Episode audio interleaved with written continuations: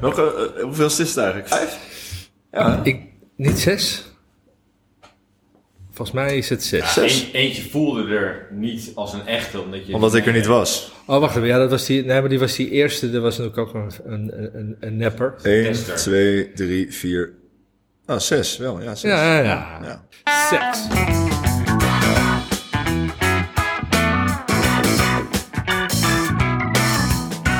Alright, Isaac, drankkast nummer 6. Ja, hey. Yeah! Welkom heren in deze bar op vrijdagmiddag. Dankjewel. Um, nou ja, voor de mensen die uh, denken van ja, wie horen wij hier eigenlijk? Aan de uh, rechterkant de man van wie zijn barren op dit moment naar overal in de wereld worden vers uh, verscheept. Kan je zeggen, ja. Door een soort Google dingetje alleen maar aanvragen uit Denemarken, Finland, Zweden en alle andere Scandinavische landen. Maar zijn barren behoren ook tot de beste van uh, de wereld natuurlijk. In zijn vrije tijd sleutelt hij ook aan zijn barren, maar vooral aan zijn Mustang. En hij is een echte drankenconnoisseur, columnist geweest voor Elle Eten, Entree, diverse vakbladen, jurylid bij World Class 221. Dat kwam er slecht uit, zo. Fjallar Goud. Fjallar Goud. Oh yeah, it is I. Over die Mustang trouwens, Fjallar. Weet jij welke distiller er een tatoeage van een Mustang op de arm heeft. Denk daar maar even over na en dan, dan ga ik even mijn glorie ontvangen. Jurylid voor Esquire Best Cocktail Bar. Columnist voor uh, Entree, diverse vakbladen. Hij heeft geshaked op de meest exclusieve plekken ter wereld. Van jachten met Paris Hilton tot uh, oude achterafschuurtjes met Jan de Bouvry. Hij is de legend, de man die de cocktailwereld heeft aangezet in Nederland. Misha Forstemans. Ja, ja. Yeah. geen woord van geloven. Geen woord van geloven. is echt, uh, echt top. Achter de schuiven, de man die ooit uh, bierambassadeur was bij Duvel Moordgat en nu uh, cocktailtjes shaked voor onder andere de Diageo Bar Academy, Coca-Cola Skills en Soda Skills, Happy Skills. En Snelle alles met skills. skills. Snelle skills, dat woord zocht ik. Ook schutting skills hoorde Schutting skills, vooral afgelopen week, maar daar zo meer over. Olaf Kluivers. Yeah. Ja, ja, ja, ja. Nou, nou jongens. Zes. Moet maar, hè? Ja, hoe, was je, hoe was jullie week? Laten we daar eens mee beginnen. Mooi. was ja? een mooie week. We hebben heel veel gedaan. Ook heel veel niet gedaan. is er een, is soms er een, ging het links, soms ging het rechts. Is er een hoogtepuntje? Ja. Nou, uh, we hebben... Even kijken. We, hebben een, uh, we zijn afgelopen maanden begonnen met de WST uh, level 2 uh, dag 2. Dus dat was een, een leuke dag. Ja, er kwamen even wat hele grote categorieën even langs. Dus we hebben whisky gedaan. Leroy heeft dat gedaan. Um, uh, aan mij de eer om brandies te mogen doen. Dus cognac, armagnac, maar ook pisco en dergelijke. Ah. Zeer zeker. En Misha die sloot de dag af met agave en tequila. Nou, nice. een, een betere dagafsluiting kan je denk ik niet hebben. Um, we hebben een speed and efficiency uh, training online gedaan. Die hebben we heel snel gedaan, hè? Ja. Die hebben we heel snel gedaan, ja. Eén minuut. Ah, wel, efficiënt, zeker. Ja, het was een uh, online sessie toch voor uh, Horeca Techniek Nederland? Ja, ja, zeker. En partners? Of één ja, klanten? Zij konden dan hun, uh, hun klanten uitnodigen voor een online sessie en... We hebben met z'n tweeën een, in, ja, een kleine kijk achter, uh, achter de bar. Weet je, waar moet je rekening mee houden? Wat zijn nou de beste oplossingen? Uh, beste menus. Gewoon allemaal kleine tips en tricks. En uh, vooral heel veel over routing en natuurlijk de barsystemen gepraat. Dus dat was, ja, was een leuke sessie. En jij nog bijzonderheden? Um, Even kijken. Nou ja, ik vond die WST vind ik altijd heel leuk om ja, te doen. Absoluut. We hebben een uh, leuke groep uh, studenten ook. Uh, dus die zijn volop bezig. En over twee weken is het examen. Dus, maar we zitten in een groepsapp en er gaan allemaal leuke berichtjes en dingetjes neer. Dus iedereen is zichzelf of elkaar aan het motiveren. Dus ja, dat was, was een goede week. Wat mooie opdrachten weer naar binnen gehaald voor de zomer. Dus ja, ja. ja. mooie ding. Mooie dingen. En jouw week dan? Nou, ja, stond die uh, jouw week een beetje scheef? Of, uh... Ja, het, is, uh, het zou zomaar Fiallas Fristi kunnen zijn, zeg maar. Lood. Hoe ja. bedrijven omgaan met klachten. Nee, ja, dus, ik ben al druk bezig, al drie jaar in een huis mm. met verbouwen. Dit zijn de laatste loodjes. En zoals wij weten, vanuit grootmoeders boek, De laatste loodjes wegen het zwaarst. En dat blijkt maar weer. eh, deze week eh, een soort... eh, ja, ik, ik heb altijd... Met alles wat we in ons huis hebben gedaan... heb ik altijd in mijn achterhoofd een moment gehad... dat ik dacht, ja, dit, is, dit zou iets voor de rijdende rechter kunnen zijn. En deze week heb ik dat elke dag gehad... want er werd namelijk een schutting geplaatst... en die, bleef, die bleek niet op de erfgrens te staan... en schuin te staan... en het bedrijf eh, kwam aan en er waren geen schuttingen en het, het, was, het werd verkeerd geleverd en er geen telefoon opgenomen en eh, ja. Dat, Wil, wil je mijn frustie moment even nou, lenen voor... om te eh, beginnen met een frustie, maar we eindigen met een echte frustie, maar eh, dat was mijn week, ja, heftig.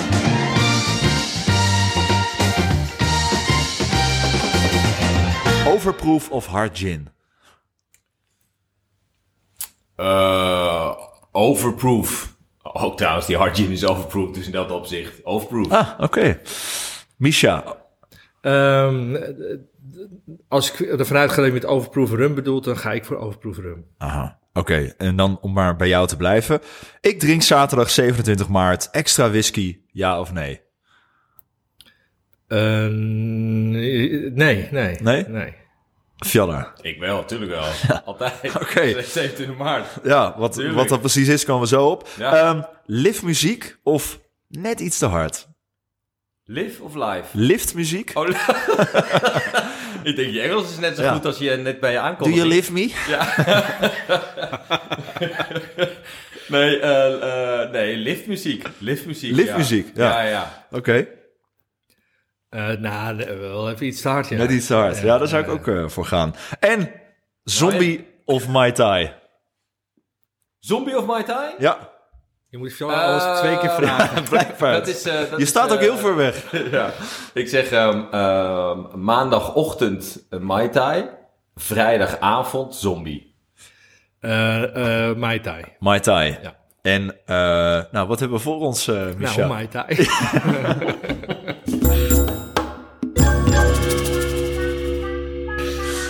eh, een van mijn favoriete eh, cocktailtjes. Ik, hou van een beetje simpele cocktail, zoet, zuur. eh, en liefst dan iets met rum.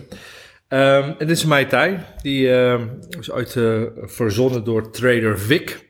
Daar zullen we het zo volgens mij wel eventjes over hebben. Het is eigenlijk een cocktail die bestaat uit rum, orgeat-siroop. Dat is een soort amandelachtige siroop. Orange curaçao. en er zit wat limoensap in. En soms een tikje rock candy, sugar syrup. Maar dat heb ik met vervangen voor nu Moscovado suiker.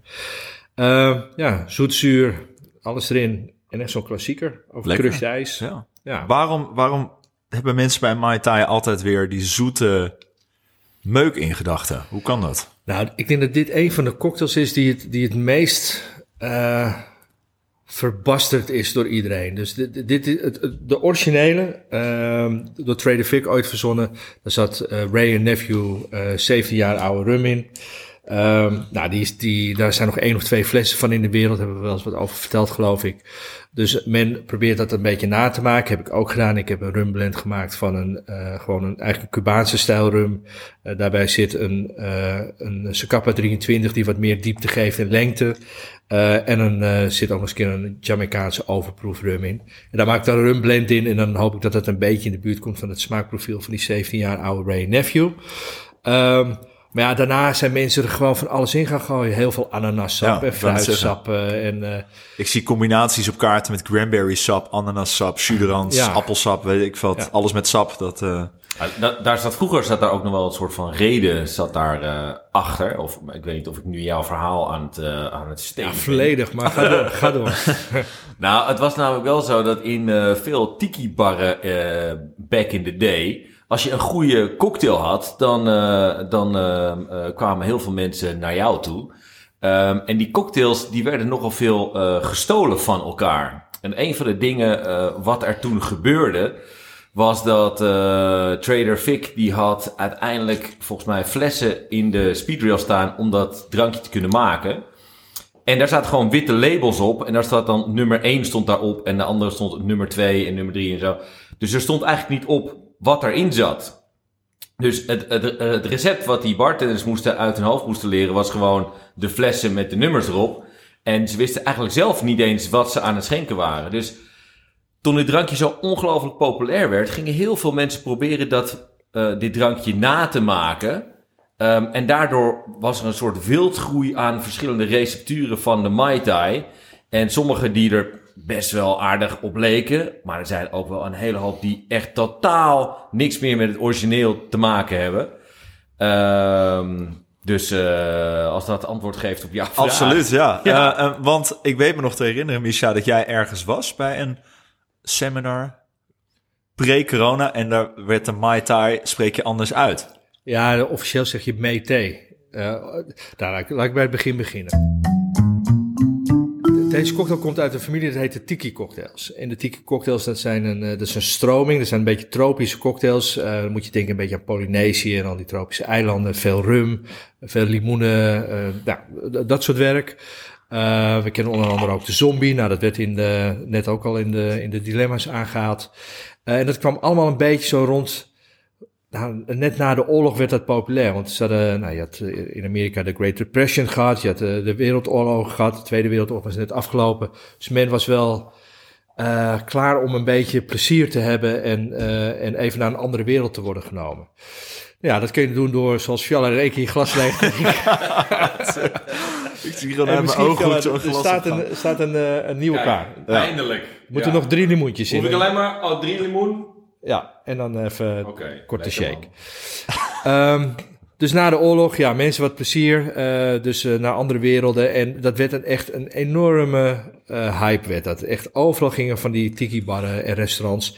En dat, dat was toen ook heel chic. Dus je ging heel chic uit eten. En dan ging je naar een tiki-bar toe.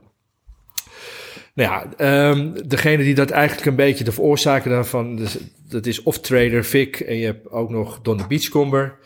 Allebei zijn ze eh, beroemd, maar vandaag hebben we het over Trader Vic, de Ja, de, de bartender hero van vandaag ook. Ja, en, eh, en hij heeft onder andere die Mai Tai verzonnen, en, eh, maar ook de, de Fuck Cutter en nog een paar van die dingen.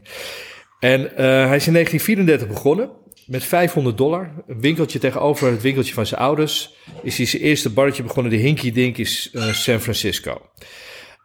Met 500 dollar. Dus dat kun je bijna niet voorstellen.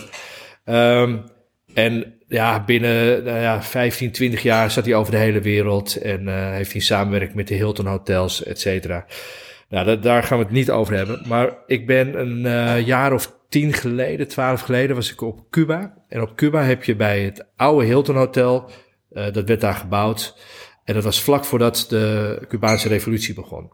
En in het Hilton Hotel, daar zat ook een Trader Vic bar. Want dat, ja, dat, dat, dat zat gewoon aan elkaar vast als het ware. Over waar een Hilton kwam, kwam zo'n Trader Vic bar. En uh, vlak voordat het open ging, uh, revolutie. Dus ja, de Amerikanen hadden niks meer te zoeken daar. Dus Trader Vic was zijn bar kwijt.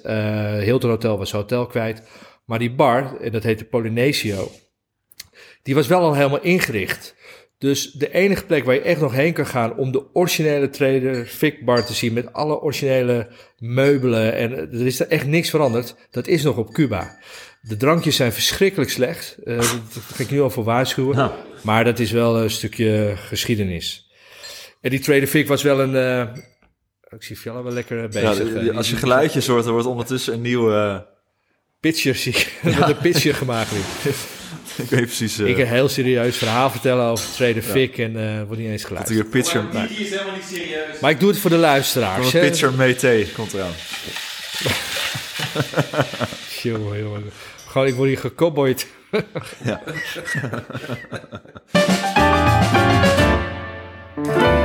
Maar uh, nou, één verhaal over Trader Vic. Uh, omdat we toch iets serieus moeten vertellen over die man. Trader Vic uh, st stond bekend om een aantal dingen. Maar één beroemd verhaal is dat, uh, dat hij in zijn bar had. Hij had zo'n groot blok ijs op de backbar. En in die tijd hadden we nog geen ijsklontjes. Dus als je iets van ijs in je drankje wou, dan kreeg je zo'n groot blok ijs. En zo'n ijspik. En dan, dan gingen ze daarmee uh, op dat ijs rammen. En dan kreeg je van die grote blok ijs. En dat gebruikten ze om te shaken of in je glas te doen. Dus een van de dingen die hij deed, uh, was tijdens dat, dat, uh, dat ijspikken, dat hij daar uitschoot en dan die, die, die staaf, die, die, die soort, soort punt was dat, die stak hij dan in zijn been en dan begon hij helemaal te schreeuwen van de pijn. Wat mensen niet wisten is dat hij een houten been had. Als je daar voor het eerst aan de bar zat en je zag die man dat doen en hij ging zo gillend door die, door die zaken. En dan denk je, wat is er aan de hand? En dan trok hij met veel bombardie, trok hij hem er weer uit. En dan iedereen, oh gaat het wel, gaat het wel. Nou, en vervolgens dan uh, begon iedereen, de regulars begonnen te lachen, want dan deed hij. En dan, ja, had een houten been. Maar dan vroegen mensen natuurlijk altijd, hoe kom je aan, aan dat houten been? En uh, dan had hij een heel verhaal, want zijn, zijn bijnaam was Trader Vic. Hij heette Victor Bergeron, maar zijn bijnaam was Trader Vic. Want hij had een verhaal dat hij vroeger tussen alle Polynesische eilanden en de, de, de, de Caribbean, dat hij van, met een scheepje van eiland naar eiland ging. En zo zijn geld verdiende door een beetje te handelen. En hij vertelde dan dat hij op een van die trips, dat er een tropische storm kwam, waardoor uh, de golven zo hoog werden dat hij overboord sloeg. Uh, hij probeerde naar het dichtstbijzijnde eilandje te zwemmen. En vlak voor het eilandje werd hij aangevallen door een haai. En die haai die, die beet zijn been eraf, althans een groot gedeelte van zijn been eraf.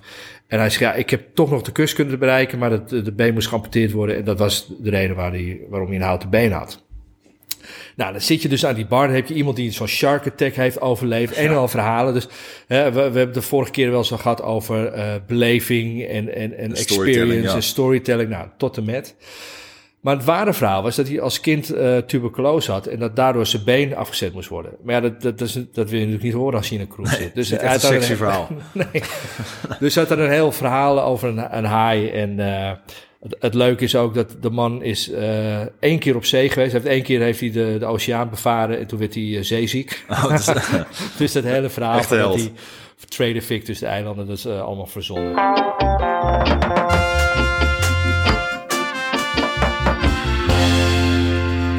Nou, wat, wat, ik, wat wel denk ik heel gek is van, van tiki's, van tiki-drankjes uh, in, zijn, in zijn algemeenheid, is dat je als bartender ben je inderdaad heel erg op zoek naar van allerlei rumblends. Omdat veel van die drankjes die waren destijds, en nou ja, wat uh, Michel zei, de Mai Tai was met Ray Nephew 17 jaar.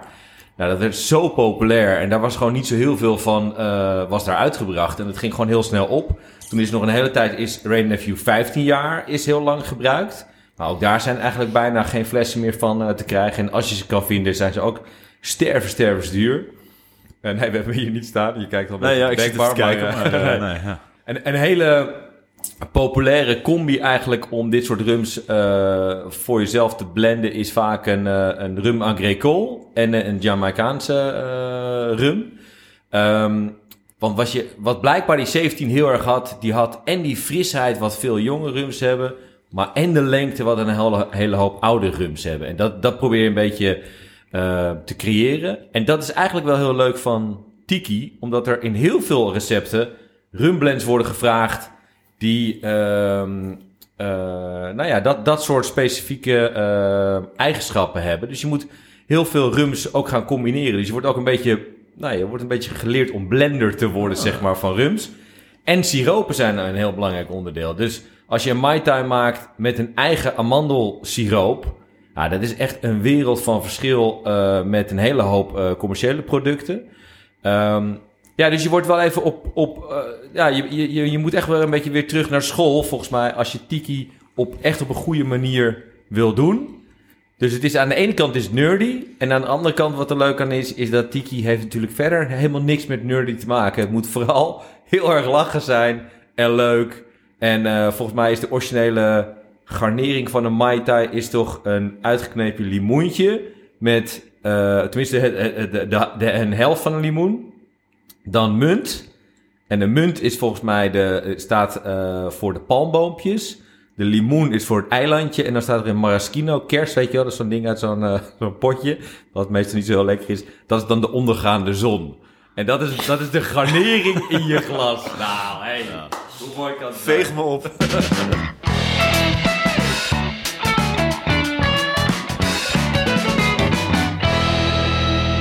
krijg nog wel een, een vraag binnen via de chat. Ja. Uh, waar de naam Mai Tai vandaan komt. En, en, dat is eigenlijk wel een leuk verhaal, want die, um, um, de naam komt eigenlijk... Die Trader Vic had twee vrienden, uh, een bevriend koppel zat aan de bar en die uh, kwamen uit Polynesië. En die vroeg ook aan hem, kan je iets voor ons maken? Hij zei, nou, ik ben met iets bezig en die liet dat proeven en dat was dus die Mai Tai. Um, en toen zei de vrouw in het gezelschap, die zei Mai Tai Rauw wat in het Polynesisch betekent out of this world, the best.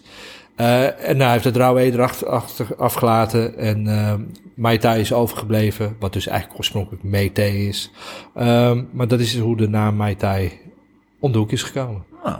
Maar, maar terugkomt op jouw dilemma-vraag. Oh, Want uh, je zegt wel... Uh, het was uh, Mai Tai of Zombie. Ja. Maar, maar zombie gaan we nog wel een keer doen, toch? Ja, maar, want de zombie is namelijk ook helemaal te gek. Dat is echt een waanzinnig drankje ook. Ehm, maar nu zeg ik tegen jou, parkeer deze. Oké, nou, nou, Dat is een dat- dat- techniek. Ja, techniek. Parkeertechniek. Ja, heel Ik, goed. eh, ik parkeer hem dan.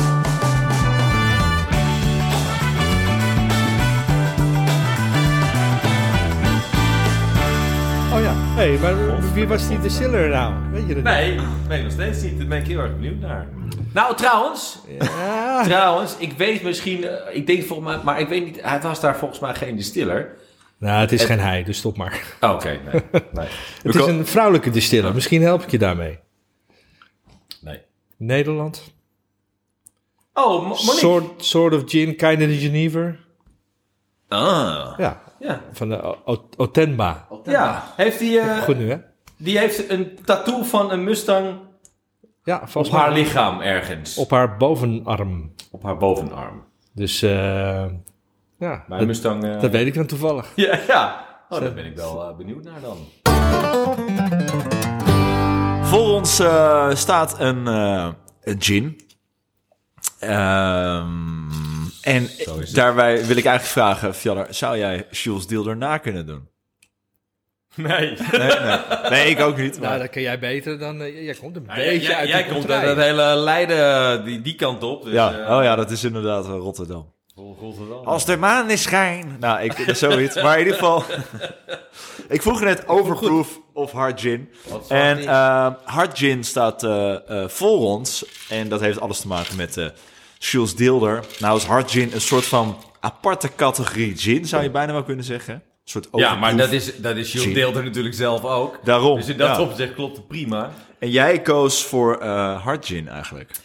Nou, ik heb een, ik heb een zwak voor Jules Deelder ten eerste. Ehm, en, ehm, en daarbij heb ik ook wel zwak voor Loopuit. Omdat eh, ik vind het gewoon een te gek bedrijf. Die maken eh onwijs mooie, mooie producten. En ze, nou, ze, ze, ze, nou, laat ik zo zeggen, ze, ze hebben de bartender in hun hart gesloten. En dat vind ik een, eh, vind ik een mooi iets. De, de eigenaar van, eh, van, eh, van Loopuit is eh, Jan van Sticht. Die vroeger ooit is het gebouw heeft gekocht. waar ooit de, de oude Loopuit distillerij in zit. Die maakt hier je neven, hè? En die maakte Jenever vroeger. eh, in dezelfde straat eigenlijk waar eh, veel grote distillateurs van weleer zaten. En nog steeds zit er, nou ja, op steenworp afstand zit de Nolet-familie. Schiedam is dat, hè? De, de, Schiedam, de-. Kuiper zit schuin Ja. aan de overkant. de Kuiper zit aan, aan de andere kant van de Schie. Hens Schiedam. Ehm, het, het, eh, vroeger het Black Nazareth van eh, Nederland eh, genoemd. Omdat we, volgens mij hadden ze destijds, eh, weet ik veel, rond de 400, 450 distillerijen in, in Nederland. Maar goed, daar, daar hebben we het nu niet over. Hij, hij heeft daar een verzekeringsmaatschappij zitten voor een hele lange tijd. Had hij dat. En volgens mij is hij op een gegeven moment gedacht... nou, ik, ik wil eigenlijk wel iets met dat verleden van Loopuit. En eh, wat ook wel te gek is aan het gebouw, zijn er een paar keer geweest. Er is, op de zolder is er een, uiteindelijk een speakeasy gekomen. Die heeft hij eh, gecreëerd daar met een barbershop en een boxring. En eh, echt wel heel, heel cool. En een bar uiteraard. En beneden in het gebouw, daar zit nog een originele oude ijskelder. En een ijskelder, daar- daar moest je absoluut geld voor hebben destijds. Nou, Jenever was natuurlijk booming. Schiedam was misschien wel een van de meest rijke steden eh, van Nederland, omdat Jenever daar vandaan kwam. Ehm, en een oude originele ijskelder, daar werd vroeger inderdaad het ijs ergens uit een of andere meer gezaagd. En dat werd dan daar eh de hele, hele tijd in eh, bewaard. En dat is weer in ere hersteld. En daar hangen tegenwoordig eh, het logo van eh Loopuit IJs. Leeuwen hangen daar eh, in een... eh, er zit tegenwoordig wel een klein vriesinstallatietje is erbij gebouwd. Maar goed, Maar het leuke is dat, eh, wat hij nog toen hij die assurantie deed, eh, als een soort ehm, ja, als een soort gift elk jaar, uh, net zo'n zo'n ehm, ja, zo'n cadeautje wat je geeft aan je, aan je, aan je klanten. Ja. Gaf je altijd een, een fles Jenever, die liet hij maken door het Jenever Museum aan de overkant. En in zo'n met zo'n oud label van, ehm van Loophuid erop, een echt zo'n originele kelderfles. En toen dacht hij, ja, misschien is het leuk om wel weer echt op de markt te brengen. Maar toen dacht hij, ja, misschien moeten we niet Jenever doen, maar gin. Want gin was natuurlijk toen populair aan het worden. Ja. Nou, we hebben daar nog wat gesprekken met hem over gehad. Het is echt heel inspirerend met die man te praten. Ja. En er is uiteindelijk een mooie gin uitgekomen. Zeker, en, en, en daar zit ook wel de link misschien met het uh, Genever Museum, want daar was de, ma uh, de master distillateur zeg maar, van het Genever Museum, uh, is daar uh, Jacco van der Leun. En die is uiteindelijk de master distiller nu voor uh, loopuit gin. Um, en op een gegeven moment, en ik, weet niet het, precies het verhaal hoe dat allemaal bij elkaar is gekomen, maar ik weet wel dat uh, zowel Jan als loopuit, dat zijn uh, creatieve geesten, laat ik het zo maar zeggen. En uh, nou ja, de nachtburgemeester is natuurlijk Jules Deelder. Uh, Jules Deelder die, uh, die uh, hield nogal van een drankje en ook van wat andere substanties. Die horen ja, bij en, de nacht. En, die horen bij de nacht. En Jan was natuurlijk ook groot fan van Sparta. Want wij zijn nog een keer naar een wedstrijd ja, geweest ja, met allemaal ja, bartenders. En Jules Deelder natuurlijk ook. En Jules Deelder ook. absoluut, dus, ja. dus ja, dat, dat, dat paste helemaal in dat uh, verhaal. Als vergeet de vrouw van Jan niet. Hè. Die is natuurlijk ook ontzettend betrokken bij absoluut, dit merk. zeker. Dus uh, ja. Maar op een gegeven moment uh, Lopa deed allemaal boxclinics. En daar uh, heb ik mij destijds voor aangemeld. Ge, ge, gemeld. Dan moesten we een jaar lang moesten we gaan trainen. En dan uiteindelijk moesten we allemaal bartenders. En uiteindelijk moesten we dan uh, de ring met elkaar delen. En dan moesten we voor het echi gaan. Om een soort gala. Heb je gewonnen, Fjall? Ja. Nee, ik ben uiteraard als een, uh, als een sukkel uh, geblesseerd. De Badr Hari En, van de eh, drankwereld. ja, ja, ja. Nou, nee. Uh, nee, daar wil ik weer niet... De Arnold uh, van der Leijden weer. Ja, ja, nou, Arnold van der Leijden heb ik wel een uh, Verslagen. botkliniek, Oh. nee, van gehad. Dat was wel te gek Ja, trouwens. wat zei hij? Je moet hard. Maar goed, dat was heel- heel cool. Um, en op een van die dagen, toen was uh, Jules Dilder daar ook. En uh, er, werd, er werd in het geniep, in het geheim, werd er gewerkt aan een speciale gin voor de nachtburgemeester. En um, uh, dat moest natuurlijk een speciale gin zijn. Jules die hield van een drankje en naar eigen zeggen heb je dat ook wel nodig als je een hoop speed gebruikt. Dat was naar eigen zeggen. En uh, uh, hij, hij deed zelfs uh, vaak in de ochtend al een klein scheutje Kleintje, in de ja. thee, want dan kan je een beetje de dag Levelen. kan, kan dat er een beetje aan wennen. Um, en uiteindelijk is er een, een loop uit hard gin ontstaan. er zijn 1944 flessen van gemaakt. Is dat zijn geboortedatum? Dat is zijn geboortedatum. Staat Oh, ook dat op wist de fles. Oh. Ja. De, het alcoholpercentage, want als we dan ton over het geboortejaar hebben, is 44,91. En dat is ook weer een referentie naar zijn, uh, andersom is dat 1944, naar zijn geboortejaar. En uh, dat is een hele mooie gin. En naar het schijnt zitten daar ha- hallucinerende kruiden in. En ja, daar was ook een verhaal mee. Want ik, ik, ik, er staat me iets bij van dat, dat, uh, dat het een reden had waarom dat kruid erin zat of dat spul erin zat, toch? Ja, er is een, en dat verhaal, dat weet ik eigenlijk niet precies meer. Dat had ik eigenlijk even moeten researchen. Maar je vandaag. weet wel een klein beetje, toch? Een klein beetje wel, verteld. ja. Dus ik, ik start Ja. een spannend muziekje in. En als jij het dan kan inleiden... Dan, Ik weet ook een klein beetje. Misschien dat de, de gezamenlijke kleine beetjes... Nou, uh, Nou, groot naar, beetje. naar het schijnt, naar het schijnt, back in the day... werden er wel eens mensen verbannen uh, naar, de, naar de galg. En uh, naar verluid kreeg je dan een soort uh, kruiden toegediend. En op het moment dat je dan werd gehangen, dan net voordat je hing, dan zou je klaar moeten komen. Dat was, dat was het verhaal wat in ieder geval Oh. Jules Deelder mij vertelde. Yes. En, en dat kruid, nou, dat heeft hard gin. Ja, hard in, de gin. In Ja. de gin ja. Nou, ik dacht dat het met alcoholpercentage te maken had. Nee. Dus hij wordt hard gin, maar blijkbaar dan niet heel erg lang. Ja, maar goed, dat, dat, dat, maar dat verhaal weet ik niet exact. Dus het is een beetje net zoals vorige keer met de absint. De- het zou een soort hallucinerende werking moeten hebben. Maar, Maar, ook niet helemaal. Sort of.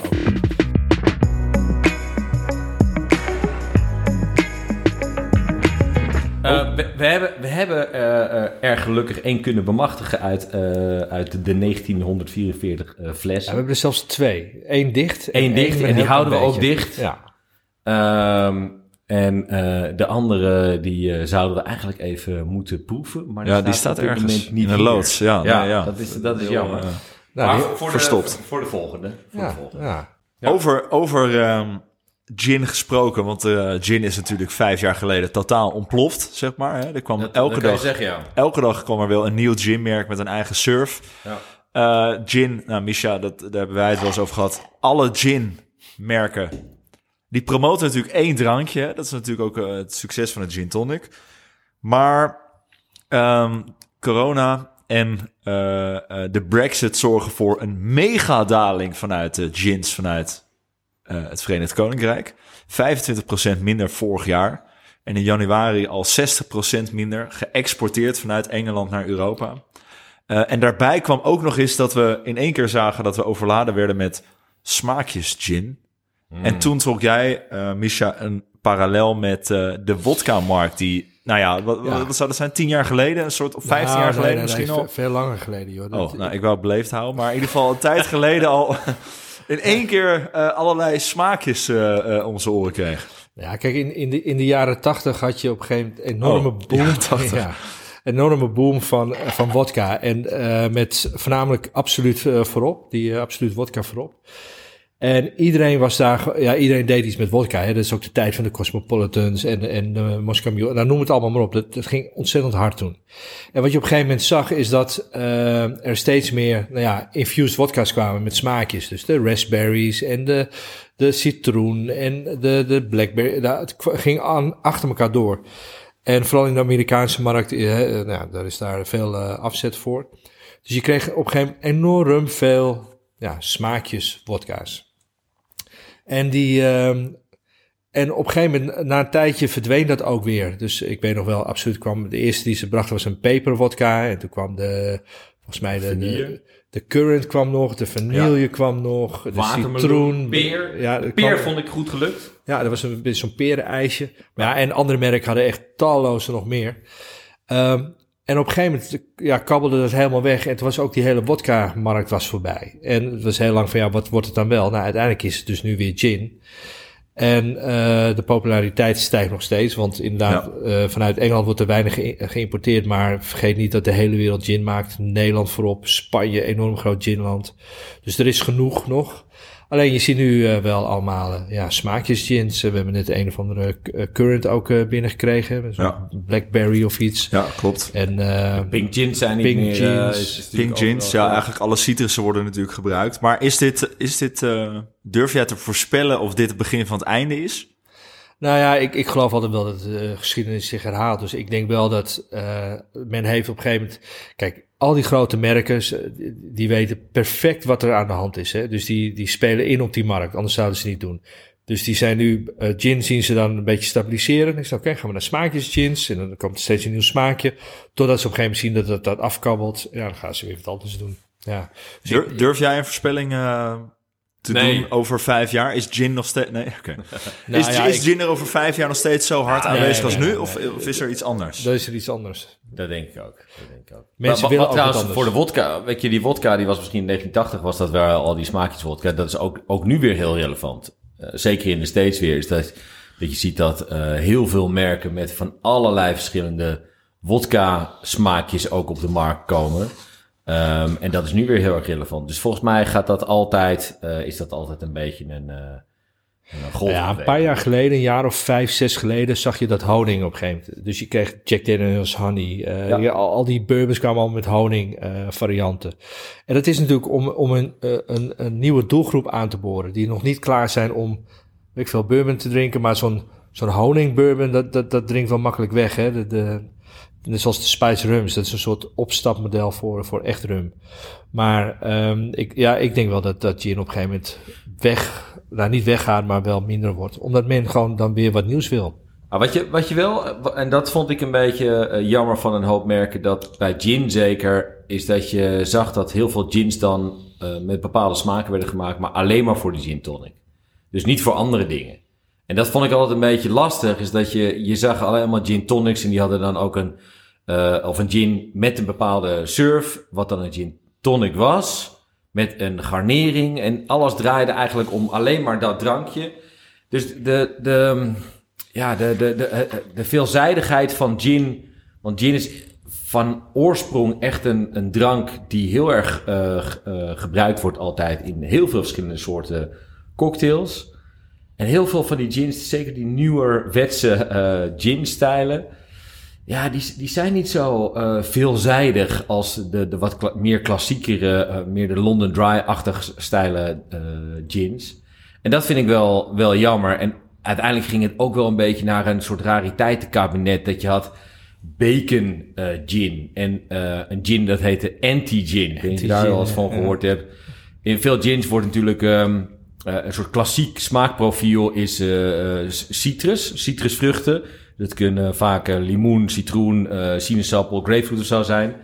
En in deze gin werden dan, weet ik veel, 30 of 31. Dat was dan weer toffer dat je dan 31 hebt dan 30. maar die werden dan meegedistilleerd. Bosmieren werden dan meegedistilleerd in neutrale alcohol. En op het moment dat ze dat doen, dan krijgen ze een soort panic attack. En dan laten ze, hoe heet dat zuur? Wat, Mierenzuur volgens mij Ja, dat mierenzuur, ja, Oh. net een mooie, mooie benaming natuurlijk. Maar goed, en, dat geeft... sour. Dat geeft die, eh, ja, dat geeft die, eh, ehm, eh, dat smaakprofiel, zeg maar, van gin weer. Ehm, en ik ja, oké, dat, dat zal dan wel helemaal, nou ja, ja dat, dat Maar is dan zo, ja. Even bu- buiten, eh, wat, nou ja, wat in de, in de schaduw, of nee, niet in de schaduw, wat achter de gin aanhobbelde, was, waren eigenlijk tonics. Ja, En we hebben tegenwoordig moet je dus kiezen uit eh nou, 15 verschillende gins. En dan heb je ook nog eens een keer 6, 7, 8 verschillende tonics. Want bij elke gin hoort een speciale tonic. Nou, ik, ik, ik, ben, daar, eh, ik ben daar allergisch voor. Want ik denk als je gewoon één of twee goede tonics hebt, dan, eh, dan, dan, dan ben je echt wel gewoon klaar. Hm, Wat vind jij ervan, Goud? vind ik ook. Nou, Nou, klaar. ja, klaar. Nou, ik ook, want ik Nee. krijg tijdens trainingen heel vaak de vraag... "Z- welke tonic zou jij bij deze gin doen? Ja. En dan, dan is mijn antwoord eigenlijk steenvast van... nou ja, die, de gewone tonic, de, de oer-degelijke tonic, kan overal bij. Ja. Dus eh, als je begint in één keer met acht verschillende gins... maak het jezelf niet te moeilijk door ook acht verschillende surfs te doen. Want dan moet je ook achter die bar natuurlijk op een drukke zaterdagmiddag gewoon eruit rammen. Ja, maar de- die, die, die hele verschillende soorten eh tonicwaters en gin. Eh zoveel mensen, en wij doen heel veel tastings. Zoveel mensen vinden het zo ongelooflijk moeilijk om te proeven. Dus als je eh, dezelfde gin neemt en je doet tien verschillende tonicwaters. Tuurlijk zit daar echt wel eh, verschil in. Maar er zijn een aantal merken die zijn gewoon altijd heel goed. Kijk, er is, er is soort wel een soort gulden. de- de- er is een soort van regel. Als je wat goedkopere tonics gebruikt, daar zit minder smaak in en meer suiker. En eh, het nadeel daarvan is, is dat sommige zijn zo zoet dat als je daar een, laten we zeggen, een lichte stijl eh, gin tegenaan eh, zet of mee mixt, dan valt zo'n gin helemaal weg. Maar de gemiddelde drinker vindt dat zoete juist wel lekker. Dus ze komen vaak Precies. uit testjes wel heel goed. Ja. Als je kijkt naar hoe het gemaakt wordt, denk je, nou ja, dat kan beter. Maar in, in, in taste panels ko- komen ze vaak wel heel goed Ja. uit. Zeker met, nou, gin is toch, is toch een, eh, een drankje wat niet altijd populair is geweest. Daar moet je een beetje van houden. Eh, dus een tikje suiker in die, in die tonic maakt een hoop goed in die gin tonic. Maar Zeker. ik vind die elderflower tonic vind ik bijvoorbeeld wel lekker. Eh, dat, want dan, dan krijg je echt een ander soort smaakprofiel erbij. En dat, maar ja, of je Maar nou- ik zou bijna- ik- de, de, de beste gin tonic van heel de wereld. Ik weet niet of je dat verhaal eh, ooit wel eens hebt eh, gehoord. Nou, eh, ik luister Ja, met ja, ik. Ik. Ja. Dat, dat zou ik doen. Ik zou voor iedereen nu eventjes, die ook in de auto zit, even gewoon parkeren. Want dit is... knipperlicht dit is, aan, Ja, dit is... eh, nu komt hij, nu komt hij. Zeker voor het weekend. Maar dat is natuurlijk de Haagse slijper. Dat weten we allemaal. Daar hoeven, daar hoeven we niet moeilijk over te doen. De, de Haagse slijper is de allerbeste en lekkerste kok, eh, gin tonic van heel de wereld. Want? Want, dat, eh, omdat ik het zeg, daar, laten we daarmee beginnen. nou, de reden waarom is dat... ehm, Wat is het een- eigenlijk? Het, Misschien het moet is een hele klassieke eh, gin en tonic. Het is een... eh, nee, ik ga geen merken noemen. Dat vind ik al... eh, vind ik al ja, gedoe. Eh, maar een, echt een London Dry gin. Hele eh, strakke eh, en complexe gin. Rond de 47 procent. Zo is het. en ehm, wat, wat gin en tonic heel erg lekker maakt, maar dat, het komt ook omdat het mijn favoriete eh, citrusvrucht is, is grapefruit. Grapefruit is namelijk en zoet, en zuur, en bitter. Dus het is een hele complexe vrucht. Vooral die, ro- Oh, sorry. vooral die rode grapefruit. hè? Ja, rode grape. Ja, ja, die andere is, is niet zo. Dus als je een klein beetje... ehm, en een klein beetje 40 milliliter rode grapefruit... en dan eh, gewoon een, een goede gin en tonic maakt... met goede kwaliteit eh, gin en goede kwaliteit tonic... en dan maakt het niet eens heel, heel erg veel uit... welke merk je dan gebruikt... dat is de allerlekste tonic, eh, gin tonic van heel de wereld. Dus dat, dat je dat even weet. Ja, en, en even heel kort waar de naam vandaan komt. Eh, een van de eerste, nou ja, misschien wel een van de langste barren die jij ooit gebouwd hebt. Ja, was, dat was de langste, was dat. Ja? ja. Nou, nee, niet de langste, maar wat- dat was de langste tot, tot, tot die tijd, ja. Want het was voor Mystiek eh, toen, hè? Dat, Ja. Die hebben in de, in de kelder hebben ze een bar. En die, nou, dat was een bar uit één stuk. Hoe lang, lang was die bar wel niet? Voor mij was hij 8 eh, meter 75 of zo. Dat Ja, dus, de- een dus we lang, moesten eh, echt een lang hele vrachtwagen huren. En dat was- zat in de Utrechtse straat, die zaak. Dus we moesten alle trams tegenhouden. Eh, want die bar moest overdwars. Dus echt iedereen stond stil. Ja. En die trams die stonden te kijken. We hadden allemaal vrienden van ons opgetrommeld om die bar naar beneden te tillen.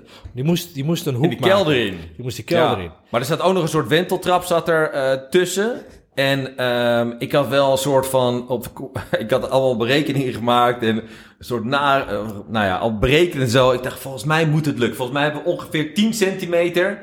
hebben we speling. Dat, dat, dat, dat was een beetje het ding. Maar ja, toen was een beetje de grap. Nou, als die dan niet past... dan moet die haakse slijper erin. Nou, dat was, geen, dat was geen grap, want we hadden een haakse slijper bij ons. Om een, een stuk uit de trap te kunnen zagen. Want de bar ze hadden maar Ja. een stuk uit de trap. Dat was een, een stalen trap. Zodat we die bocht konden maken. Maar dat was uiteindelijk niet nodig. En eh, daarna hebben we iedereen die heb, helpen sjouwen... hebben we toen getrakteerd op onze favoriete gin en tonic. En dat En was die hebben toen gedoopt als bij Dwars was dat nog, hè? De Haakse slijper. Ja. En eh, toen kwamen we bij dat meisje, toen bestelden we, ja, we willen Haagse slijpers. En ze was Engels, en ze zei, Haagse sleeper? Zo, ja, ja, die. En het mooie was dat we kwamen een week later terug, ook weer bij Dwars. Zaten we weer aan hetzelfde barretje, een beetje achterin links, had je een klein barretje. En we waren met Sergej volgens mij. En, eh, Ja. en, eh, en we kwamen daar en dat meisje had ons ont- onthouden, wat ontzettend goed was. Want we, misschien ook niet raar, want we hadden gewoon wel twintig van die dingen op. En zegt ze, oh, you- you're the guys from the Haagse Sleeper, you want the uh, Haagse Sleepers? En wij, ja, ja, ja. ja, ja, wij- En, en toen was eigenlijk de Haagse Slijper. Toen was eh, die, was die geboren, ja. We hebben er weinig aandacht meer aan gegeven, maar het is echt wel een heel ding geworden ja, in Amsterdam. Groningen heeft hem op de kaart gezet. Eh, ja, in dus- heel Nederland was hij uiteindelijk. ja, we kregen zelfs een berichtje van, oh, hoe heet die Bart? Nou, die zat in Dubai, die heeft hem daar op de kaart Ja. gezet. We kregen Ja, allemaal, ja, ja, ja. want die Bartjes vonden het allemaal lachen natuurlijk. en, eh, dus dat was een soort dingetje. De Haagse dat is, eh, Slijper. Haakse slijper.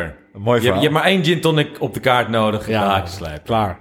Wil je het nog een keer, wil je nog een keer zeggen? Haagse Je hebt maar één... Dat is echt goed.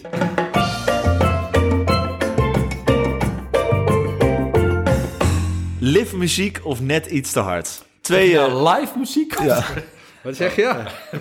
live muziek. Ja. In ieder geval twee tegenpolen aan de bar, want jij koos voor lift muziek. Liftmuziek, ja. En eh Micha, jij koos voor net iets te hard. En dat heeft eigenlijk alles te maken met eh, waar we vorige week een klein beetje mee afsloten. Mijn legendarische vijf minuten impact in die podcast.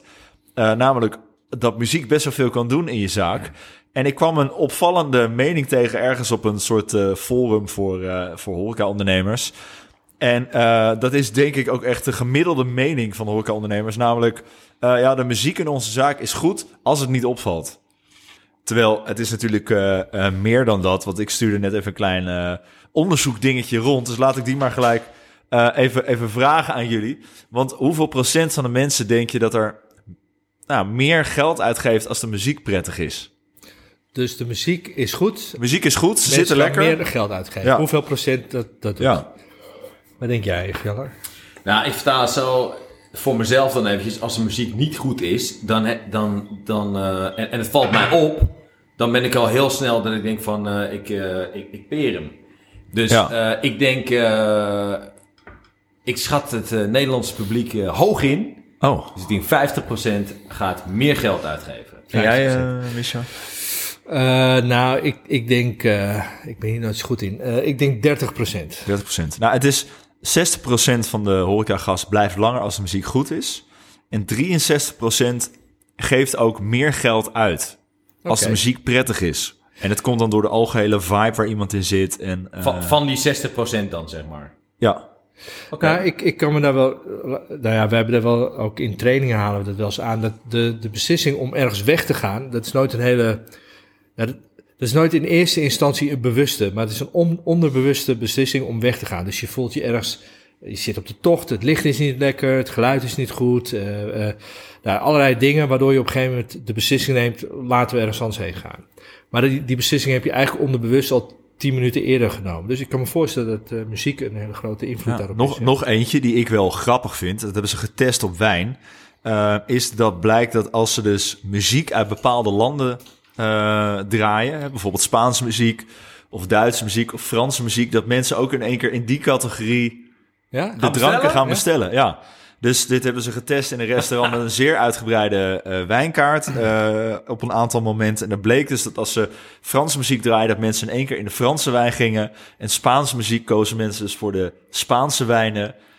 Dat de invloed zelfs zo ver reikt. Maar ik, ik wil even naar een ander onderzoek refereren. Want Maar ik ben- betekent dat dan ook, voordat je, dus als ik dus veel rum drink, dat ik eigenlijk eh, hou van eh, Polynesische muziek, is dat eigenlijk eh, hoe het Nou, zit? misschien wel dus als je ergens zit en de vibe is zo dat er Spaanstalige-achtige klanken komen. Dat jij wel in die mood komt om ook rum te drinken. Want als jij in een rumbar zit waar dus Duitse slakers worden gedraaid, dan kom jij waarschijnlijk niet verder dan strorum. Nee. Maar wat, dan, wat, wat, wat drinkt dan een death metal? eh wat, daar ben ik heel benieuwd naar. ja, die, die gooit zijn drankje in zijn gezicht of zo. Ik weet niet precies wat het... eh,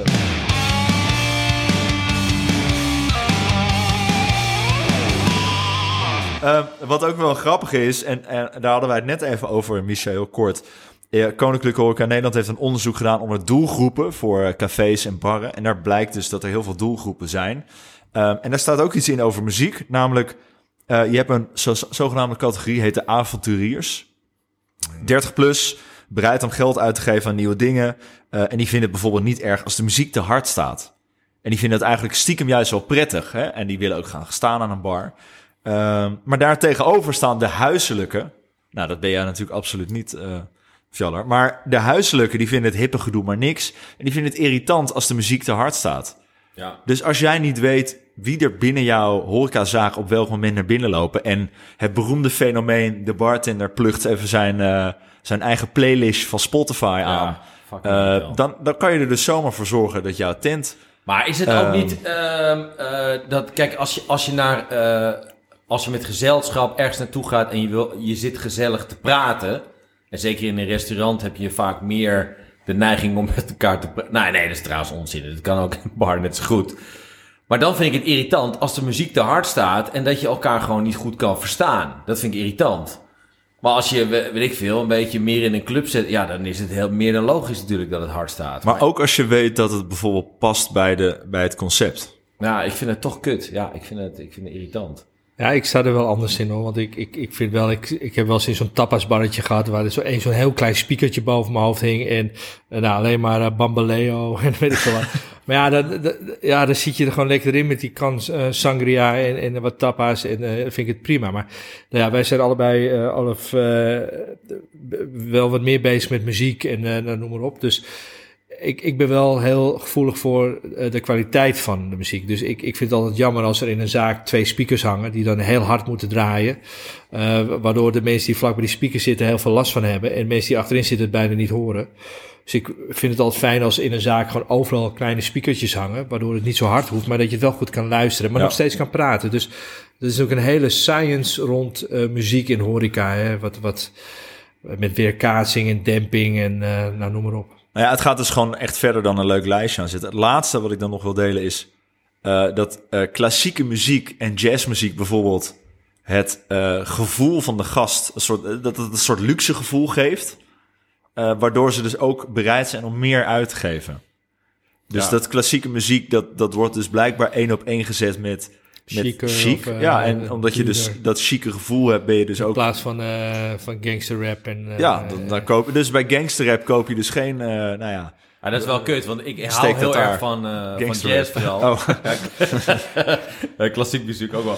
Ja. Maar jazz vooral. En, en dat geeft dus ook de reden aan waarom ik altijd al tering veel geld kwijt ben. Ja, ja. nu snap ik het. Dat, Ja. Nou, dat, dat is het. En ehm, als je dus in een bar of een restaurant zit waar dus rustige, relaxe muziek is, dan schijn je dus 14 minuten langer te tafelen dan eh, eh, 120 beats per minute. Dus wat snellere muziek. Nou, het is, het is wel. eh, wij geven natuurlijk veel trainingen. En een van de dingen die je leert in de training is het free pouren. Dus dat is eh, schenken uit de fles zonder een maatbekertje te gebruiken. En het idee erachter is dat je eh, gaat tellen in je hoofd. En bij elke tel zou je 10 milliliter moeten schenken. Nou, dan heb je een recept. Vraagt om 30 eh, milliliter. Dan is het 1, 2, 3. En dan zou je 30 milliliter moeten hebben. Nou, moet je oefenen. Maar wat we wel eh, hebben gemerkt is dat als je ergens in een club staat waar de muziek snel staat, dus die beats per minute zijn hoger, dat, je op de beat gaat tellen. Dus dan ga je niet 1, 2, 3 tellen, maar dan ga je 1, 2, 3 tellen. En dan, eh, dus dan schenk je te weinig. Dus eh, het heeft invloed op van alles, maar ook op, op de schenktechnieken. Dus het is een. En, en trouwens, nu ik erover nadenk, ik vind het echt wel een leuk onderwerp dit. Moeten we ik volgende keer langer over praten. Maar ik ken bijvoorbeeld eh tequila's die met, eh geloof met Beethoven wordt het fermentatieproces begeleid. Omdat dat schijnt dan bepaalde smaaktonen te zijn. Zijn allemaal van die filmpjes dat plantjes beter groeien met klassieke muziek. Kobe Beef ook, hè? Die worden Ja? gemasseerd en eh, met klassieke muziek. Ja, Gemasseerd met klassieke muziek. ja moet je nagaan. Oké. Wakker Nou ja, en zo, weet je wel. Ja. Het is natuurlijk, eh, wij hebben wel eens een masterclass gehouden voor World Class, waar we verschillende drankjes lieten proeven met verschillende soorten muziek. Waarbij hoge tonen andere smaak, eh, ja, een soort smaakbeleving geeft dan, dan als je iets met drum and bass doet bijvoorbeeld. Dus de, de- ja, daar zijn wel echt onderzoeken naar. Dus het is wel interessant om daar eens een keer wat Drum over... and bass. Dat was eigenlijk wa- was het de rum en Rum ass, and toch? Ja. Oh, sorry. Ja.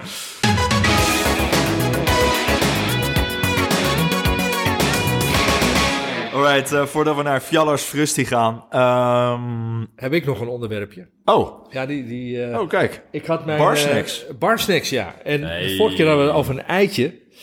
Eh, maar... Eh. eh, eh, eh, en- eh, en eh. eh, een Amsterdamse uitje of een eitje. Maar ik heb nu eh typische barsnack en dat is eigenlijk ossenworst.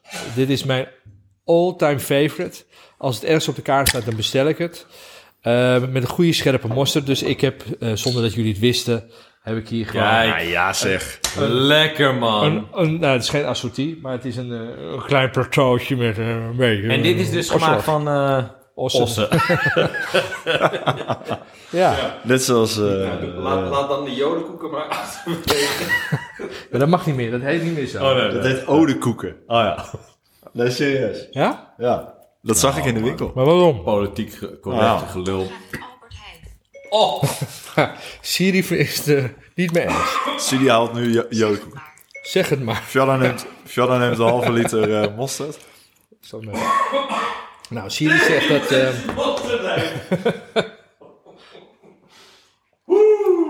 nou, ik moet zeggen, ik...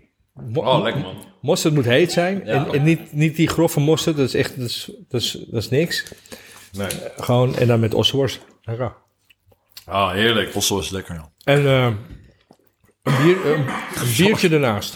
Zo, ja. Fjalla gaat nog steeds... eh, Ja. ja. Nou, dat was een goede... goeie mosterd, ja. goed, goed voor de podcast. Scherpe mosterd.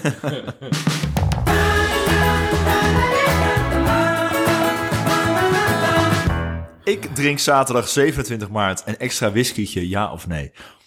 Morgen is het National International Whisky Day. Zo is het. Zo is het maar net. Div- diverse whiskymerken online spelen erop in. Met allerlei eh, acties, cocktailrecepten, ehm, promotionele dingetjes.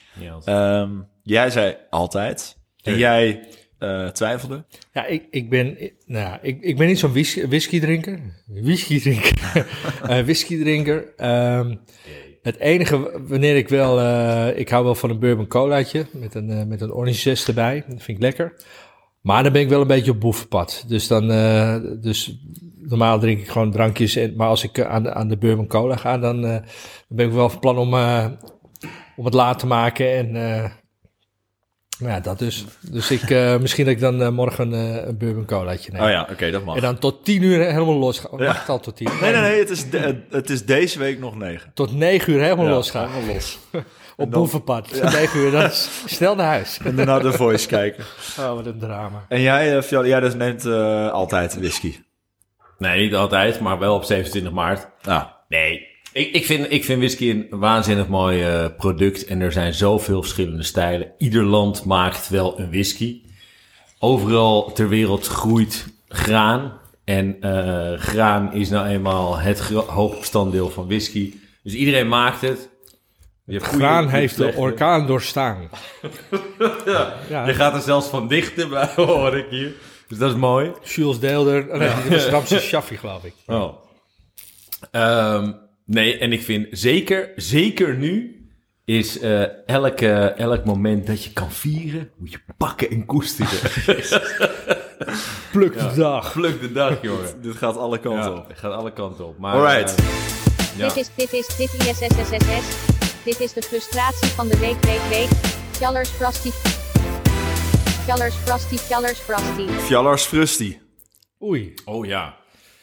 Nou, ja, nou, ik, ik, oh man, ik, ik heb er zoveel. Ik ben zo gefrustreerd altijd. Ehm, maar de, de cocktail wat mij altijd frustreerde in een bar, en zeker in een cocktailbar, ik heb ook in een andere bar gewerkt, was eigenlijk de Long Island Iced Tea.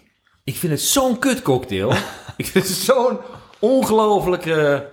Ja, ik, ik vind dat... Ja, ik, die, die hele cocktail heeft geen ene fuck te maken met met smaak of met. eh, ehm, Maar iedereen, nou ja, iedereen kent die cocktail. Ja. Als je vraagt, Ja, eh, ja, noem eens een cocktail, dan heb je de Pina Colada en de Long Island Iced Tea en de Sex, on the Beach. Ja, dat is ja, allemaal maar ja, dat die, soort- die andere twee die hebben daadwerkelijk nog enigszins eh, smaak. Ze- Zeker trouwens, eh Pina Colada is echt een te gek drankje, vind ik dat. Ehm, maar een, een, een, eh, een Long Island Iced Tea, die heeft eigenlijk maar één reden. En dat is gewoon heel snel dronken worden. Daar komt het eigenlijk wel een beetje op neer. Er gaan ook, eh, volgens mij, alle white spirits gaan er volgens mij. En het is vodka, rum, gin, tequila, triple sec, eh tikkie citroen en dan een wolkje cola. Ja, flikker op. Dat heeft niks met smaak te maken. Er zijn ook allemaal... eh, kijk, vroeger was er nog een soort van idee eh, in, in, de, in de droogleggingen. 1920, 1933. hadden we drooglegging in Amerika. Tijdens die drooglegging werd er ongelooflijk veel gesopen natuurlijk. Want eh, er waren heel veel speakeasies. Waren er, eh, volgens mij eh, in New York alleen al... waren er in de hoogtijdagen van de speak... zaten, zaten ze op 10.000 speakeasies of zoiets in, in New York. Dus er werd ongelooflijk veel gedronken. Alleen, er werden ook af en toe werden er invallen gedaan door de taxman en door de politie. En naar het schijnt, de- tenminste er is een verhaal dat toen eh, eh, de Long Island Iced Tea is ontstaan, omdat daar, eh, als je die producten allemaal in één glas doet en je serveert het in een, een, een, een, theekopje, dan lijkt het net alsof je thee aan het drinken bent door het wolkje cola. Maar dat is volgens mij een totale onzin verhaal. Volgens mij is het veel later ergens in, in, in, in Long Beach ontstaan. En ik vind het gewoon een dramatisch slechte cocktail. Mij is ooit de vraag gesteld, dat was volgens mij door Esquire magazine in, een soort interview. Ehm, wat voor soort mannen bestellen nou wat voor soort cocktails? Eh, typisch zo'n Esquire ding. Maar wat voor soort mannen bestellen nou een Long Island Iced Tea? Ja, mannen met geen smaak. Ja, toch? Naar mijn idee. En, ja. en maar met geen één smaak. doel, gewoon dronken worden. Ja. Ja. En die hebben zo'n auto met no veer erop. nee, flikker op man. En Zo'n tribal tattoo. maar oké, Nee, optieven met het drankje. maar wat is... eh, eh, wij vinden het wel leuk hoe, eh, wat voor bestellingen er worden gedaan aan de bar. Hè? Dus het, het zegt best wel wat over mensen. Ja. Wij hebben ooit... eh, ehm, nou, we hebben bij Vesper gewerkt natuurlijk met z'n Ja. tweeën. En als er dan een dame binnenkwam en die bestelde bepaalde cocktails... dat vonden wij altijd eigenlijk gewoon heel stoer of zo. Je kan natuurlijk zo'n, zo'n, zo'n, weet zo'n pornstar martini bestellen. Nou, prima cocktail. Maar wat is nou een stoere cocktail voor een vrouw om te bestellen? Ja, la, la- laat ik het zo zeggen, is dat al, als een dame, eh, als er twee dames zijn en de ene bestelt een Cosmo en de andere bestelt gewoon een shot tequila, ga ik, ga ik het liefst met die dame met die shot tequila ga ik... eh, Ja, dat vroeg ik mee helemaal niet. Wat is dit Oh, nou? vertaal ik even gewoon. Er wordt gewoon gevraagd wat je morgen gaat doen. Ja, ja, dat is waar, ja. Nee, maar, maar wat is nou een stoere Nou ja, cocktail om eh, om, om terug te komen op het allereerste dilemma misschien wel. Een zombie. Kijk, als, als een chick een zombie bestelt, ja, dan eh I- I'm all in. Ja, oh, nee, dat vind ik niet... eh, Echt wel. Ik, ik, zou, ik zou het stoer vinden als, eh weet ik veel, een, eh, zo'n eh, zo'n Manhattan of een, of een Old Fashioned of een, eh, zoals de vorige keer, zo'n Blood and Sand of zo. ook allemaal goed. Een beetje een stoere cocktail. Maar ook, ook voor een kerel, weet je. Dat, dat, dat als je binnenkomt en je bestelt een Long Island Iced Tea. Dat, dat, dat, dat is toch... Ben je gewoon een Long Island loser, ben je gewoon. Ja. Ja, toch? Long Ja. Island Icing is natuurlijk wel vaak op vakantieplekken de meest aansprekende naam of zo. Weet je wel, je staat dan... eh, Ja, omdat je niet beter weet. Nee, daarom. Dat- maar je, krijgt dan, dan vaak uit een soort slush puppy machine. En eh, je wordt er lekker snel land door. Dus dat is volgens mij wat er kleeft aan een Long Island Iced Tea. Eh, als je uitgaat en je ziet dat, dat je als Hollander zijn één op één het rekensommetje maakt van... Nou, dat scheelt me weer vijf biertjes of zo of iets. eh, dat, dat is de Ja, je, associatie je, volgens je mij. vraagt toch? natuurlijk eigenlijk aan die bartender, vraag je eigenlijk, ik wil graag dronken worden. Kan je me even help, daarmee helpen? Dat is hetgene wat je eigenlijk vraagt. Maar het heeft niks met smaak te maken. Of klasse, Of stijl. Nee, of, helemaal of, nul. eh, Nee, nee, nee. Man of the world, weet je, dat je een beetje... Nee. Dus wij doen wel eens trainingen waar we eh, groepjes mannen krijgen die dan... En dan gaan we de cocktails leren die elke man zou moeten kunnen maken. Of eh, ja, Gisteren nog gedaan zelfs. ja, dat, daar Ja. begon ik erover. Maar dat, Oh. dat zijn er wel trainingen... de- nou ja, een beetje, weet je, als je een beetje James Bond achter... dan moet je wel een dry martini kunnen maken. Of een Ja. old fashioned. Of eh, een beetje vent kan dat. Zo is het, zo toch? is het. Ja, Ja, precies. wel, ja. Nou, bedankt Dus. voor deze eh eh frustie. Dat was mijn frustie, ja. Ja. Goeie frust. Voordat ik It's a Rap ga roepen. Ik heb gehoord dat eh Don Papa hier misschien volgende week is. Of is dat... eh, Ja, we zijn, we zijn op zoek naar wat leuke eh, sprekers. Want ik, ja, nou ja, we vinden elkaar niet zo er is leuk. een microfoon over. Ja. Ja. Dus, Nou, we- wat, wat vooral jammer is, is dat Fred eigenlijk steeds Nou, dat was mijn, mijn, Ja. mijn eh, tweede verzaakt. vraag. Want Fred, Fred, die... ja. Nee, dit is gewoon heel lastig om, om hem eh, binnen te krijgen. Maar ik, ik, ga- ik, eh, ik ga echt er alles aan doen om hem voor volgende week eh, erbij te hebben. En dan mag hij zeker een van zijn mooie verhalen hier... eh, Of laten we desnoods met hem bellen. ja, zoiets. Dat we sowieso horen. En inderdaad, we zijn op zoek naar, eh, naar eh, wat, wat sprekers erbij. En eh, eh, het leek ons leuk om eh, Tom Papa zelf hier te hebben natuurlijk. Dus eh daar kan hij wat vertellen over. eh, en eh, hij is heel gezellig, dus eh, we gaan even proberen of we die kunnen strikken voor de volgende keer. Alright. En we gaan het hebben over Don the Beachcomber, de zombie... en alles wat ons nog meer opvalt. Ja, en als mensen iets willen weten, dan, dan Oh. kunnen, ze, kunnen ze bellen, mailen. Jou, hè? Ja, vooral slide in de DM. Ja, de DM. Oftewel, at, Op de Insta's. op de Insta's, at Isaac Academy. Daar vind je alles terug. Wil jij het roepen of zal ik het gewoon nog doen zoals ik het nu al Nee, doe? jij, jij, jij bent de man. Rappie. Wacht ervoor. Oh, ja, ja Even een slokje. klein slokje. It's a wrap!